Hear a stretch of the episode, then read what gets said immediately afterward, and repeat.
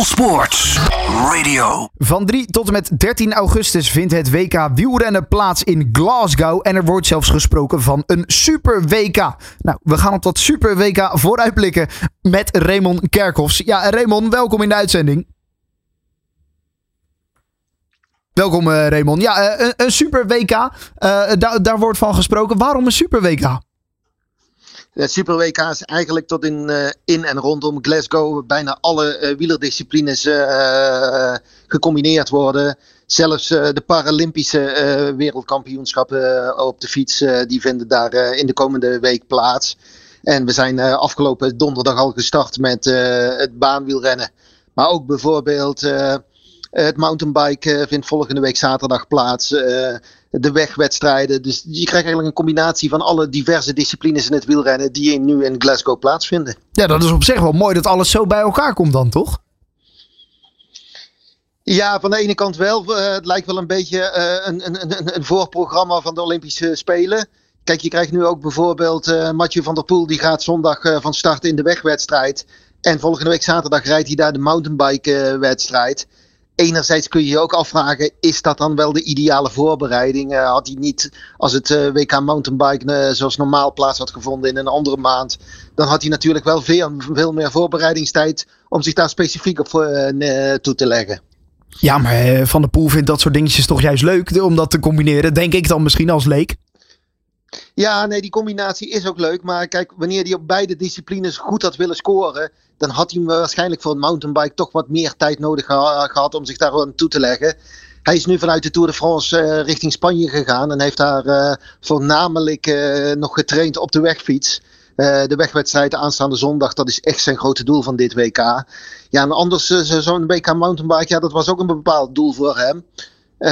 Ja, ik, ik, vind er, ik vind het mooi dat die combinatie er is van al die onderdelen daardoor denk ik dat sommige onderdelen ook meer aandacht gaan krijgen. Ja. Maar anderzijds, uh, ja, uh, voor mij hoeft dat niet zo per se. Dat, dat gevoel heb ik. Hm, ja, oké. Okay. En uh, Van der Poel dan toch misschien ietsjes meer nu de overstap aan maken naar wegwielrennen in plaats van het mountainbiken?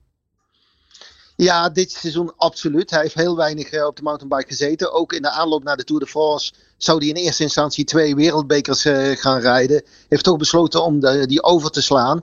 Maar dat uh, mountainbiken, dat speelt nog altijd door zijn hoofd. Met name die Olympische weg, mountainbike wedstrijd volgend jaar in Parijs. Daar wil hij echt wel een doel van maken. Ja, dan moet hij zich toch kwalificeren dat hij in de eerste startrijen terecht gaat komen. Ja, dan moet hij nu toch langzamerhand punten gaan pakken. Ja, andere Nederlanders die we gaan zien. Dylan van Baarle, Remco Evenepoel. Wat kunnen we daarvan zeggen? Nou, Remco Evenepoel is een Belg, dus uh, die gaan we niet in een oranje shirt zien. excuus, uiteraard, ja, excuus.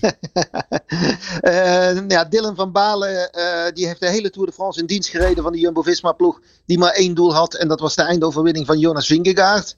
Daar is Van Balen echt een belangrijke knecht in geweest, om het zo te, ja, een beetje denigrerend eigenlijk te noemen. Het rood-wit-blauw veroverde die één week voor de Tour, Nederlands kampioen op de weg. We hebben dat rood-wit-blauw in de Tour ook veelvuldig op kop zien sleuren in dienst van Jonas Vingegaard. Ja. Uh, ja, ik, ik denk dat het best wel een goede voorbereiding voor hem is geweest. Hij is toch niet elke dag tot het uiterste gegaan. Ik uh, denk dat hij goed is hersteld. Heeft uh, de eerste dagen na de Tour een aantal criteriums in Nederland gereden. Op de vrijdag vervolgens teruggegaan naar Monaco, waar hij woont. En daar veel getraind. Ja, ik, denk dat, uh, dat Dylan er wel staat. En Dylan is ook wel een echte kampioenschapsrenner. In uh, 2000, even teruggaan, 21, is alweer twee jaar geleden, was het wereldkampioenschap in Vlaanderen met de finish in Leuven.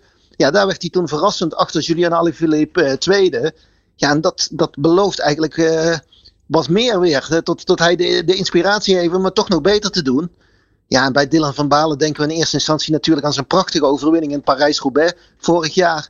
Dus we weten dat hij een grote klassieker ook kan afmaken. Een grote eendagswedstrijd, daar kan hij echt goed naar voren komen. Ja, zeker. En je zei het al, Nederlands kampioen natuurlijk. Reed in dat team van Jumbo-Visma in het rood-wit-blauw. Nou, we noemden net al de Belg Remco Evenepoel. De andere Belg is misschien topfavoriet, Wout van Aert. Ja, ik denk dat je eigenlijk een, een kringetje van een vijf, zes renners hebt die, die ik eigenlijk allemaal topfavoriet noem. Zo'n landenwedstrijd is toch een beetje een vreemde wedstrijd. Voor het eerst de enige dag samen met het EK op de weg dat ze niet voor hun merkenploegen uitkomen. Dan krijg je dus in één keer dat Wout van Aert tegen Dylan van Balen moet rijden. Ja. Dat uh, uh, Mathieu van der Poel tegen Jasper Philipsen moet rijden. Dus je krijgt een beetje tegengestelde belangen. Uh, ja, van Van Aert.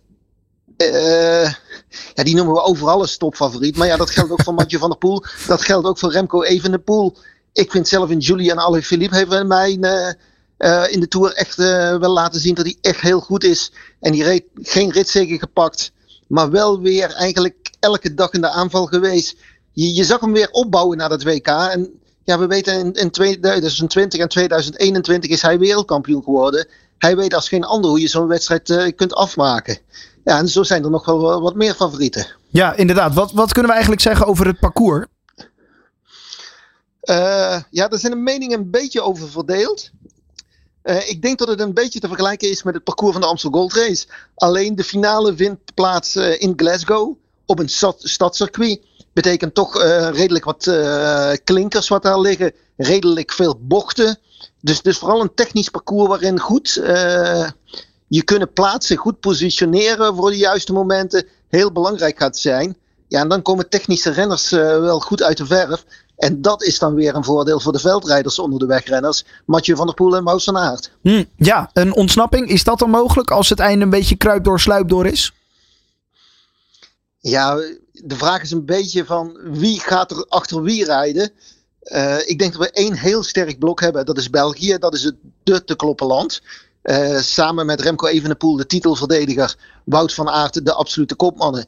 En daarachter hebben ze nog uh, Jasper Philipsen. Uh, de winnaar van de groene trui in de Tour. En de winnaar van vier etappes in de Tour. Dus die houden ze als snelle man daar eigenlijk achter. Dus ik denk dat België vooral het gewicht van de wedstrijd gaat dragen. Maar wat gaan die bijvoorbeeld doen als je dadelijk een eerdere ontsnapping gaat krijgen met bijvoorbeeld een Victor Kampenaerts, die de strijdlustigste renner in de afgelopen Tour de France ook was. Ja, wie gaat daar dan achter rijden? Dat is een beetje de vraag. Ja, inderdaad. Ja, en het lastige is bij zo'n WK dat er weer geen oortjes zijn. Hè? Dus communicatie is dan ook weer een, een lastig ding. Als iemand uh, er, ervoor kiest om te gaan ontsnappen. Ja, maar deze jongens op dit niveau die weten wel echt hoe ze een wedstrijd moeten aanpakken. En ja, communicatie is natuurlijk iets van de laatste twee, drie decennia. Uh, daarvoor werd er nooit met oortjes gereden. en werden er ook fantastische ploegwedstrijden gereden. Ja, dus natuurlijk, deze generatie is natuurlijk veel opgegroeid met die oortjes. Die weten niet anders. Maar ik vind het wel ook wel eens goed dat, dat renners weer eens even zelf leren nadenken. Ja, nou ja, inderdaad. Goed, dan nog eventjes naar de vrouwen. Jij zei bij de mannen is België het te kloppen land. Bij de vrouwen is dat denk ik wel anders. Daar uh, is Nederland het te kloppen land, denk ik zo. Ja, absoluut. En dat, dat geldt al jaren zo. Al las ik ook van bepaalde interviews van, uh, van concurrenten. Die kijken vooral ook naar het blok van Italië. Wat bij de vrouwen ook heel sterk is. En als je aan mij gaat vragen wie is uh, uh, de grote favoriet. Dat wilde ik wel gaan doen, ja. Ja, dat is dan, het WK is trouwens niet zondag voor, voor de vrouwen, maar één week later. Ja. Ja, voor mij is Lotte Kopecky, de Belgische, die, die heeft een enorm sterke indruk gemaakt in, in de afgelopen Tour de France. Uh, reed zes dagen in de gele trui. Ja, en tot mijn grote verbazing bleek ze ook nog op de Tour Malin met de beste te kunnen klimmen. En eindigde zelfs tweede in het eindklassement achter Demi Vollering. Voor mij is, is Kopecky de te kloppen uh, vrouw. Ga je kijken naar de landen. Ja, dan, is, dan steekt Nederland in mijn ogen toch nog wel ook wel iets boven Italië. En moeten ze van dat teamgevoel wel een voordeel kunnen hebben al blijkt de laatste jaren dat die vrouwen vooral tegen elkaar rijden binnen, binnen Oranje. En dat bondscoach uh, Loes van Gunnewijk daar echt niet in is geslaagd om daar één collectief van te maken. Nee, het lijkt me ook lastig natuurlijk. Zit je een keertje niet in een ploeg. Hè? In een ploeg weet je heel duidelijk, uh, dat, dat, dan heb je een bepaalde uh, ja, hiërarchie. Zit je in het land, denk je een keer voor jezelf te kunnen rijden, moet je alsnog misschien voor het ander rijden. Dus ik kan me ook voorstellen dat dat lastig is. wie bij de vrouwen zullen we dan, kunnen we dan nou ja, voor de Nederlandse vrouwen aanvinken als topfavoriet? Ja, ik denk dat je één echte topfavoriet hebt. Dat is uh, Demi Vollering. Toch wel. Uh, heeft dit jaar al vier grote klassiekers gewonnen. Dus in het eendagswerk hoort ze gewoon bij de beste. Ja, we zagen afgelopen week ook in de Tour de France uh, Femme dat Demi echt met kop en schouders boven de rest uitsteekt. Ja, zij is op het ogenblik gewoon de te kloppen vrouw. al moet je Marianne Vos en Annemiek van Vleuten en zeker op dit parcours, waar het ook nog wel eens een sprint van een grotere groep kan worden, Lorena Wiebes niet uitschakelen. Uh, Wiebes is echt de snelste van dit peloton.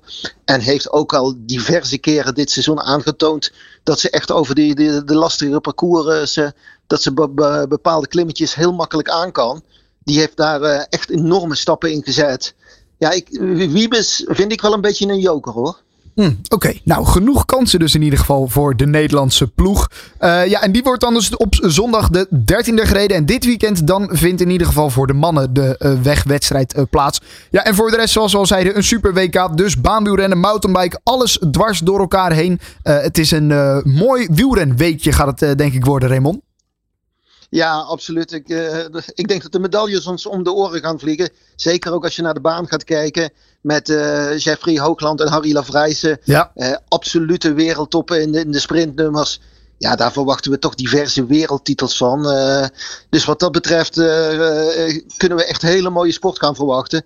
En is het ook één jaar voor de Olympische Spelen. We weten altijd in een pre-Olympisch jaar dan staan er altijd op de baan toch verrassingen weer op.